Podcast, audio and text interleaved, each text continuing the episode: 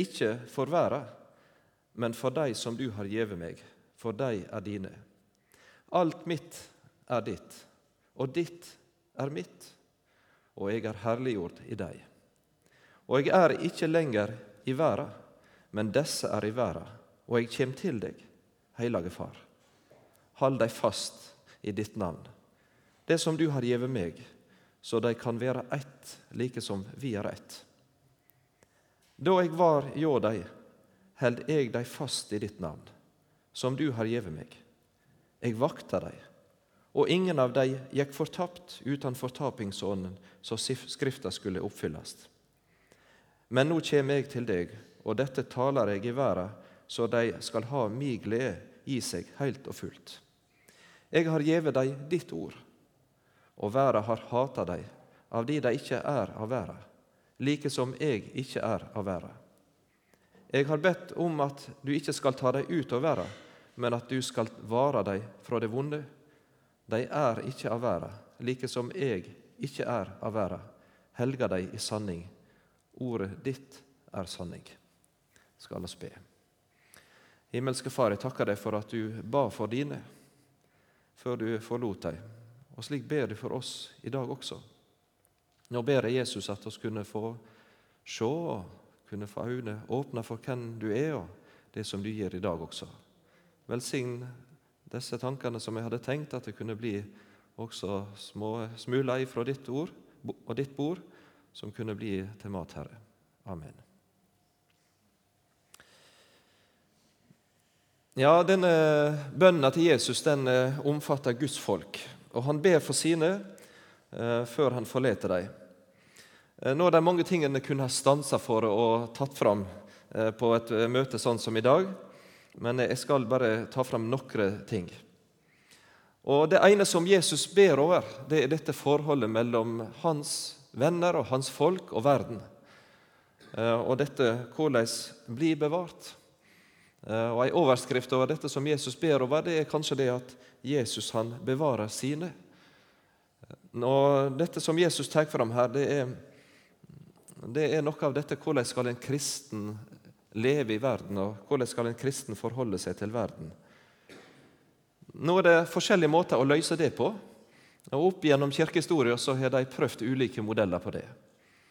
Eh, noen av de har på en måte tenkt at eh, oss kommer lengst ved å bli mest mulig lik verden i mange ting. At en på en måte ikke skal skille seg ut.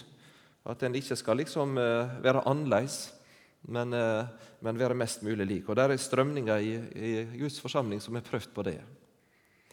Men det er strømninger som har prøvd det stikk motsatte også. At en prøver å skille seg mest mulig av med verden. Og prøver seg å, liksom, å fjerne seg mest mulig bort fra verden. Det er det også Guds folk som har prøvd på. Jeg fant eh, fram ei lita historie her. Eh, og det på dette spørsmålet hvordan skal jeg bli bevart som en kristen. Hvordan skal jeg bli bevart i verden? Og Ei historie den er henta fra ei eh, dame som heter Agnes. Eh, og Hun levde i år 1403, så det er ganske lenge siden. Eh, far henne han var på den tid en av de aller rikeste menn i hele Paris i Frankrike. Og Da han døde, så etterlot han seg en enorm formue på den tid. Og Den som skulle arve han, det var hans tenåringsdatter Agnes. Og Historien forteller det at eh, Agnes hun var ei veldig vakker jente.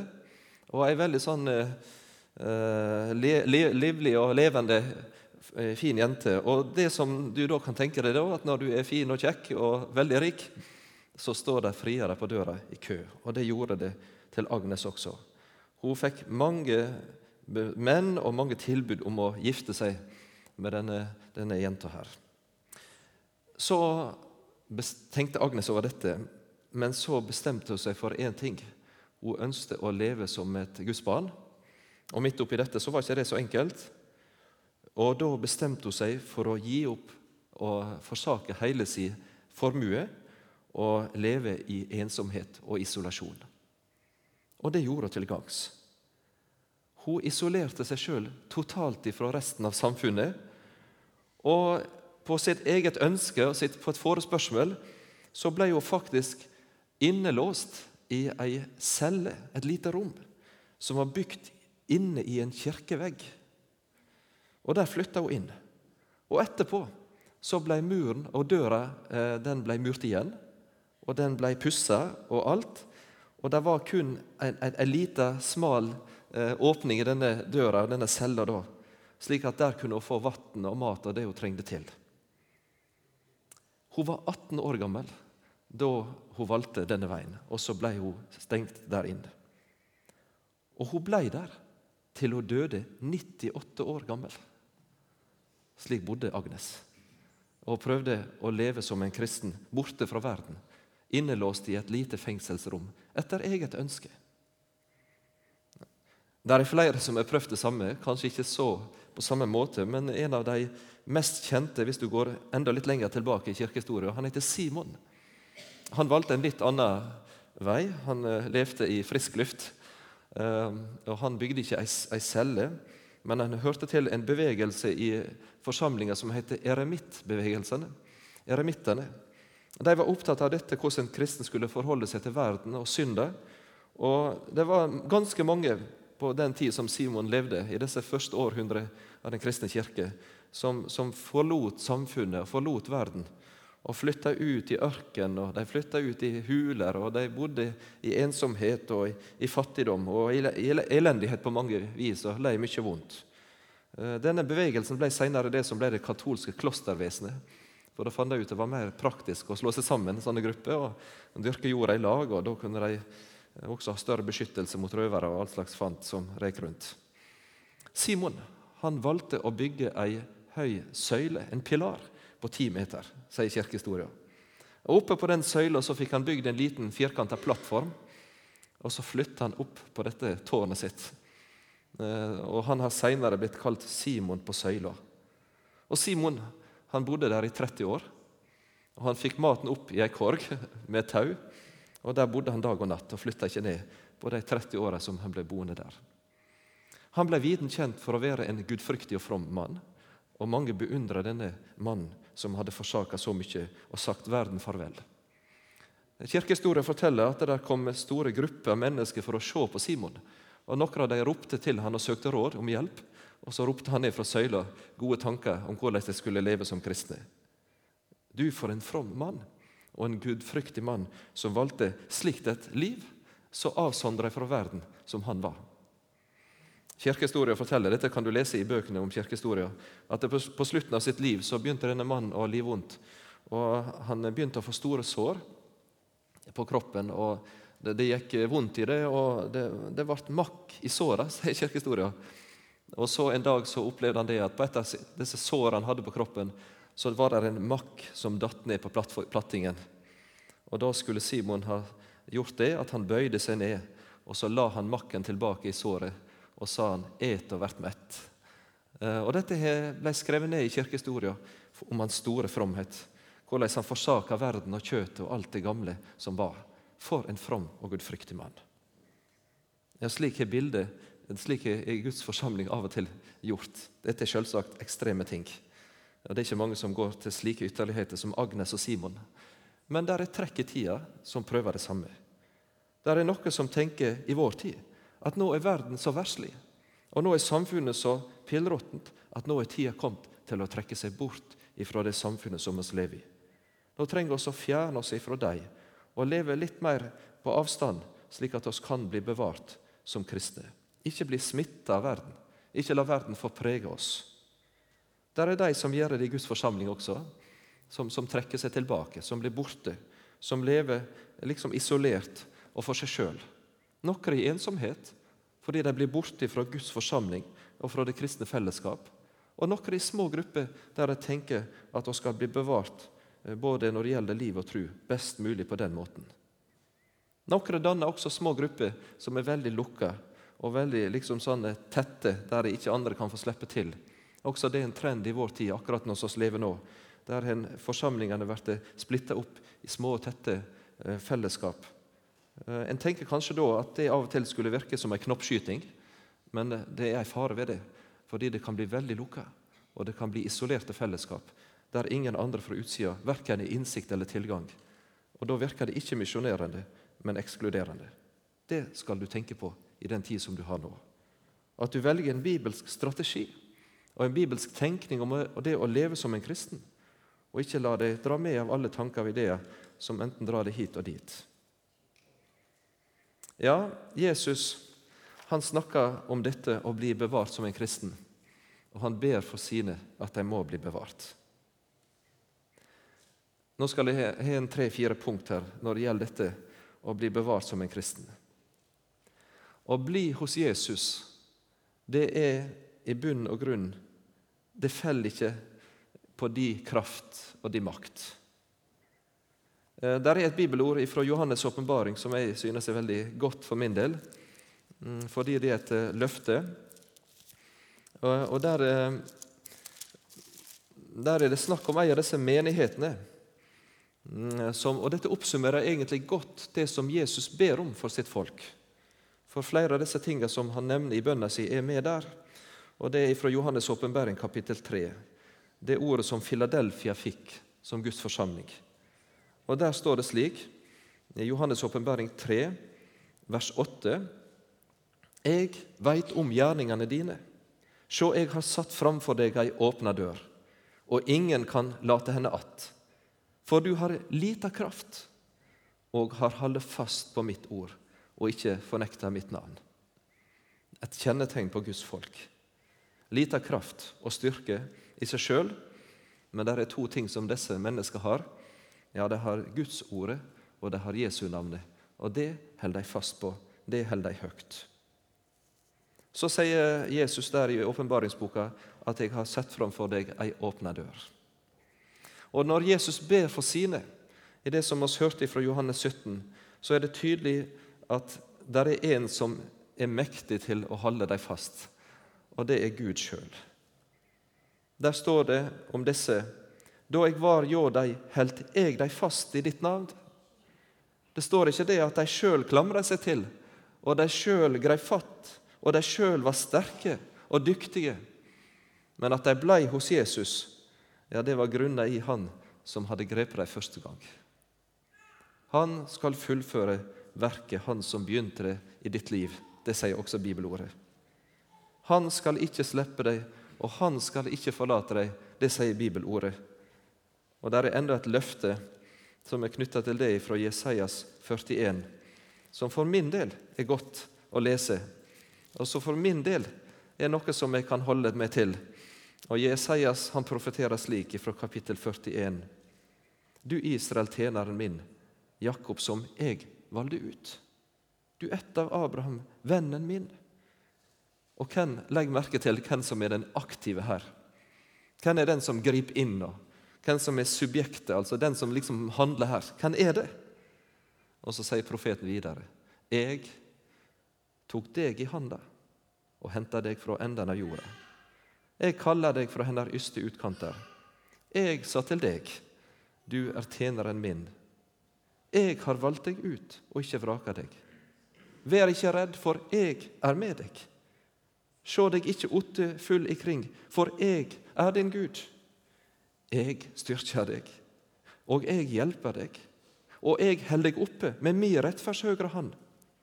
For jeg er Herren, din Gud, som holder fast om høyrehanda di og som sier til deg, vær ikke redd, jeg hjelper deg. Vær ikke redd, Jakob, du usle makk, du vesle flokk av Israel. Jeg hjelper deg, sier Herren, Israels hellige er utløseren din. Jeg kunne funnet mange sånne profetiske vers fra Bibelen, men den som er subjektet her, og som er den aktive og handlende, og som i tillegg har all makt på himmel og jord, ja, det er ikke du, men det er Gud gjennom Jesus og Jesu navn. Der er Han som er mektig til å holde fast på ditt liv også i dag. Der er Han som vil det, og som er så opptatt av det at du skal bli hos Han i dag. Det er Jesus, det er Guds hand. Det er Guds løfte til deg. Det andre som ligger i dette å bli hos Jesus, det er knytta til Guds folk. For i denne bønnen som Jesus ber, så ber han ikke bare for enkeltpersoner, men han ber Far, hold deg fast i ditt navn, som du har gitt meg, så de kan være ett, like som vi er ett. Jeg her snakker Jesus også om det kristne fellesskapet, Guds forsamling. Om ei enhet og om et tette bånd som er knytta mellom disse som er frelst. Og det er ei åndelig enhet, som Bibelen taler veldig mye om. Det kristne fellesskapet, den kristne enhet. Noen er opptatt av det ytre og tenker sånn økumenisk at det må vel betyr at alle kirkesamfunn og alt, legger ned alle motsetninger, og at en da kan stå sammen med absolutt alle i det ytre. Men det er ikke en slik enhet som Jesus først og fremst tenker på. Han tenker på den åndelige enhet som det møter med et Guds barn som er frelst i Jesus. Og det er noe som du faktisk bekjenner og tror. Jeg tror på Den hellige ande, ei heilag allmenn kirke, samfunnet av de hellige. Ja, slik er den tredje trosartikkel, og litt av den. Det er faktisk noe som du bekjenner det, at den enheten, den er der. Og den trenger du som kristen, skal du bli hos Jesus. Og så hørte jeg disse to eksemplene i starten på disse isolerte som levde for seg sjøl. Men skal du bli bevart som en frisk og sterk kristen, så trenger du den enheten som du får i det kristne fellesskap. Den tredje ting som Jesus tar fram i bønna om å bli hos Jesus, det er Guds ord. Og Jesus om, sier om dette i bønna.: Jeg har gjeve deg ditt ord, og verda har hata deg. Helga deg sanning Ordet ditt er sanning. Ja, det er bibelord. Guds ordet. Dette ordet som oss er samla om også i dag, og som er et forunderlig ord. Salme 119 sier noe om det, og dette er et av de kjente vers som du selvsagt sikkert har hørt før. Men der står om dette ordet at ditt ord, det er ei lykt for min fot og eit ljos på min veg, min stig. Slik er bibelordet. Og det skulle du rekne med. Ikke bare teoretisk tenke at det er en mulighet, men det er faktisk en realitet i et Guds barns liv. Guds ord er et aktivt ord og et virksomt ord og levekraftig ord. Det utfører det Gud vil. Det skaper noe nytt og snur opp ned på alt. Ja, til og med frelse et menneske og gi det evig liv. Det er umulig å nevne Jesu bønn om Guds ord, og dette blir bevart uten å nevne bibelskolen for dere i Salem. Nå er jeg akkurat nå på Fjelltun. Mm, Oddgeir Nordland han er nå ute i Afrika en kort liten periode, da, som du nevnte på. Eh, og, og en er på Fjelltun akkurat nå og er veldig opptatt av dette med bibelskoleåret. Og Så samla alle tre NLM-bibelskolene i fjor i Tromsø. og Da var det en av disse som er ansatt der, som eh, er en veldig sånn selgertype. Og han sa for et potensial oss har. Det er ingen norsk skoleslag som har så stort voksterpotensial som bibelskolene. Hvis en tenker på den lille prosent eller promille av kristne ungdommer som går der Du, for en mulighet oss har. Bibelskolen. Der er ikke noe skoleslag i vår organisasjon som er tilsvarende og på samme måte. Det merkelige er at det synes som om mange av de som eh, ønsker å leve som kristne, også av eh, de på deres generasjon som er lite opptatt av det Det synes også som om det er få, eh, også i vår sammenheng, som også er knytta til, da tenker jeg på NLM, som brenner for og som arbeider aktivt for å rekruttere ungdommer til et bibelskoleår. Og jeg har spurt hva er grunnen til det. Har vi mistet troen på Bibelen? som virkekraft. At det kan snu opp ned på et menneskeliv. Jeg veit ikke.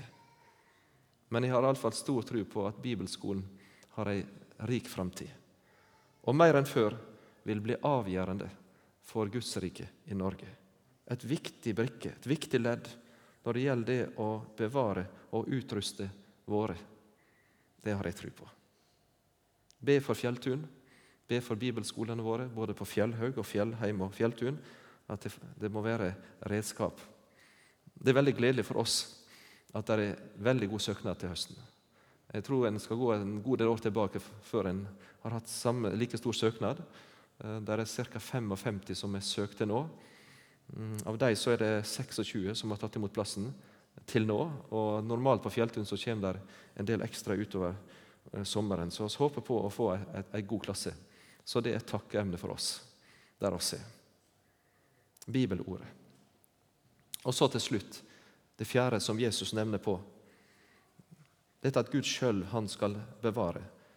Fellesskapet med Guds folk. Guds ord, som er sannhet, og slik ei kraft og en kilde. Og det siste, det er Jesu navn, som skal løftes høyt. Det skal bekjennes, det skal forkynnes, og det skal stoles på. Espen Ottesen han hadde en artikkel for ikke lenge siden, jeg lurer på om det var i sist utsyn, der det, han skrev litt om det, at mange er opptatt av alt de skal si nei til i dag i samfunnet. Og Han mente at det kunne være litt uheldig, der oss som Guds folk framstår som alle, alle ting oss er imot. Og så imot det, og så imot det, og så ikke fornøyd med det. Han sa det at det er viktig for oss som Guds folk å bekjenne hva vi er for. Hva er det vi tror på når det gjelder kristne ekteskapet? Hva er det vi tror på når det gjelder kristne livet? Hva er det vi tror på når det gjelder samfunnslivet vårt? Og det må vi være frimodige med. Det er viktig for deg. Jesu navnet. Bare ett lite bibelvers der. Dette Jesu navnet, som er det eneste navn. Slik eh, vitner Peter på tempelplassen i Jerusalem i apostelgjerningene 4,12. Dette Jesu navnet, som er det eneste navn. For det finnes ikke noe annet navn under himmelen gjeve mellom mennesker som vi kan verte frelste ved. Ingen frelse i noen annen navn. Å bli bevart mot verden. Ja, Bibelen forkynner dette med verden på to sider. Det er et åndelig begrep. Det som står imot Guds rike, det som kjemper imot det som hører Jesus til og hans venner. Og det andre er verden, det er de som ikke er frelst. Det er mennesker som ennå ikke er fått tatt imot Jesus. Noe som Jesus snakker om når han tenker på, snakker om verden og ber over verden, det er at ifra verden, kjære venner, så må dere regne med motstand. Du vil aldri bli populær i den forstand at det blir inn å være en kristen og leve slik. Og Jesus snakker ikke bare om negative tanker, og ikke bare at det, vil bety sinte avisinnlegg, men Jesus han skriver om forfølgelse. Og Han snakker om hat, faktisk. Veldig sterke ord som han tar med i bønna si om dette med det forfølgelsen av de Guds barn. For noen få dager siden så fikk jeg en mail fra Åpne dører, som har arbeidet mange år med de forfulgte og kristne som har det vondt og vanskelig. Og De sier det, de som lever og arbeider blant disse, at det er ingen tid i Kirkens historie der forfølgelsen har vært så stor og intens som i de tid, og i den tid som oss nå lever i. Ja, De snakker om at det, i alle fall så er det over 250 000 i året som blir mister livet for Jesu navns skyld nå mens oss er det lever her. Og Han fylte akkurat 80 år, bror Andreas, og han skriver litt. Jeg tar bare med et par ting fra denne talen som han holdt. Naturligvis har også verden forandret seg. Da Åpne dører startet, skalv verden under presset fra en gudløs kommunisme. Halvparten av verden der var kirken forfulgt. Det så ikke ut til å være noe ende på erobringene til den kommunistiske revolusjonen og slik de arbeidet.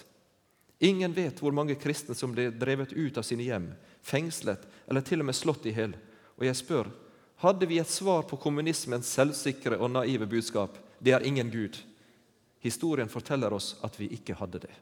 I stedet tydde vi primært til militære midler, noe som resulterte i den kalde krig. Etter ca. 70 år var den kommunistiske revolusjonen gått trett, og som ideologi døde den fordi den ikke kunne forandre mennesker så begynte en annen verdensomspennende revolusjon. Høyt og tydelig lyder stadig dens budskap. Islam er svaret. Deres utfordring til Vesten er hvem er Gud? Inntil nå har vi kristne ikke gitt svaret på dette spørsmålet fordi vi innbyrdes er svake og splittede, og de påstår vi har hørt fra Gud, vår Gud. Kan vi klare denne utfordringen? Vi sier så lett at vi har sannheten fra Gud, men tør vi proklamere ham for verden? og til muslimene? Eller er vår eneste svar enda en gang militær makt som overfor kommunismen? Hva er resultatet? En forfølgelse som er enda mer voldsom enn vi noensinne tidligere har sett. Det blir ikke satt så mange mennesker i fengsel, men mange flere blir martyrer for sin tro på Jesus. Flere land har praktisk talt ingen kirker, og det er større press mot den enkelte kristne for å fornekte troen på Jesus eller leve som en fullstendig hemmelig kristen. Allikevel er denne tid det rette tidspunkt for en frimodig proklamasjon. Dørene er vidt åpne. Vi kan stadig gå inn gjennom dem hvis vi har hørt fra Gud, og hvis vi ikke er redd for å dø. Slik snakker den aldrende bror Andreas. Jeg tror det er et profetisk ord som gjelder også vårt land. At ting kan forandre seg fort. Jeg veit ikke, men det tyder slik. Og Jesus ber deg være forberedt på motstand. Den er der allerede. Og det siste som Jesus tar fram, det er velsignelsen med å være et Guds barn. Rikdommen. Jeg har enda en historie som jeg har funnet. Og Det er også om en, om en rik mann. Han ble kalt for en av Amerikas mest miserable millionærer. Han heter John G. Wendell, og han døde i 1915. Og han bodde i New York. Og Historien om denne amerikanske millionæren det sier det at denne mannen, han som heter John, han var så opptatt av å bevare sin formue og sin rikdom. Og han hadde fem eh, Ja, han hadde seks søstre, og fem av dem de ble ugifte. Altså de ble enslige hele sitt liv. Uh, og han var så opptatt av å forme sine søstre og sin familie knytta til sin formue at da hans siste søster døde i 1931, så fant de ut i etterkant at hennes formue, søster altså, den var anslått til mer enn 100 millioner US dollars. Hun hadde aldri hatt telefon. Hun hadde aldri innlagt elektrisitet. Og hun hadde aldri hatt en bil. Og hennes eneste klesplagg det var en kjole hun sjøl hadde sydd, og den hadde hun brukt de siste 25 år, forteller historien. En av Amerikas rikeste menn på den tid. Men det var fattigfolk. De var ikke i stand til å dele og ta i bruk rikdommen som de hadde. Og dele med andre, og så levde de der i elendighet. Kan det være et speilbilde kanskje for noen av Guds folk også, som har all verdens rikdom? Og så er de så opptatt av å ta vare på rikdommen sin at de faktisk blir fattige. De har ingenting å dele. Hvis jeg tar med Jesu bønn og tar med ett vers til, og da ser du noe om delinga i vers 18. Like som du har sendt meg til verden, har jeg sendt deg til verden. Slik ber Jesus. Og Da skal vi få gå med Guds ord. Og i tida vi brukte opp, så Jeg har enda et brev som jeg fikk eh, med Marit Tingbø her fra Tanzania. Der forteller hun litt om eh, dette å leve som en kristen ute, som misjonær og dele Guds ord. Og Der skriver hun om dette Mm, at jeg har pyntet spisebordet med hvit linløper i dag. En leirkrukke har blitt prydet med begonia, og små knallgrønne kunstige perleblomster prydet den hvite linen min. Det er ingen spesiell anledning i sikte, men etter forrige ukes uteliv kjentes det godt med perler på bordet og begonia i krukka. Dere ser vi har møtt så mange perler der ute forrige uke. Noen gamle, andre unge. Men det er ikke kommet opp på bordet ennå. Og jeg kjenner på en dum smerte og sårhet i hjertet mitt når jeg tenker på dette. Så forteller hun at det har vært i Eskers på datogevangelisering. Og Det er en tøff plass og en tung plass å arbeide i. Folk er skeptiske, det er tøft klima med mygg og tsetsefluer. Varmt og nesten ikke vann. Og I kirka bor det flaggermus under takmøene, og sammen med varmen blir det ganske så intenst. Og så er det rigga til film. Og så er det noen som synger, flere voksne menn til stede. En satt med kastet sitt helt frem og lyttet. Og så skjer det. Etter en stund reiser han seg og sa, 'Hva venter jeg på? Jeg ønsker jo å tilhøre Jesus.' Enkelt og greit. Men hvem kunne være der og lære ham? Hvem kunne undervise og lede veien videre? Paul og evangelisten er på bibelskole og ikke tilbake før i juli. Jeg må kikke bort på bordet mitt der perleblomstene ligger, grønne og vakre. Slik er folk i Eskes vakre fordi de er Guds folk en person for noen få dager siden i Tanzania som reiser seg på et møte og sier jeg vil tro på Jesus. En som har tilhørt verden, som ikke kjenner Jesus, men nå har blitt med i din familie som Guds folk. Kjære Jesus. Jeg takker deg for at du er mektig til å frelse oss og bevare oss. Og Jeg takker Jesus for at oss er satt i verden som dine, til å leve i verden. Ikke lik verden, ikke av verden, men vi skal leve der som dine barn, som lys og som salt. Og Jeg ber Jesus at du gjør oss til frimodige kristne, glade kristne, takknemlige kristne, som kan løfte Jesu navn og Guds ord høyt og bekjenne ja, Jesus, oss er verdens heldigste mennesker, som har fått en rikdom som ingen andre har, evig liv og fred. Ja, Jesus, jeg ber at oss i ei tid som framover ser ut til å bli preget av skepsis og kritikk og motstand, ja, kanskje enda til forfølgelse, at oss enda løfter det lyset høyt, Herre. Amen.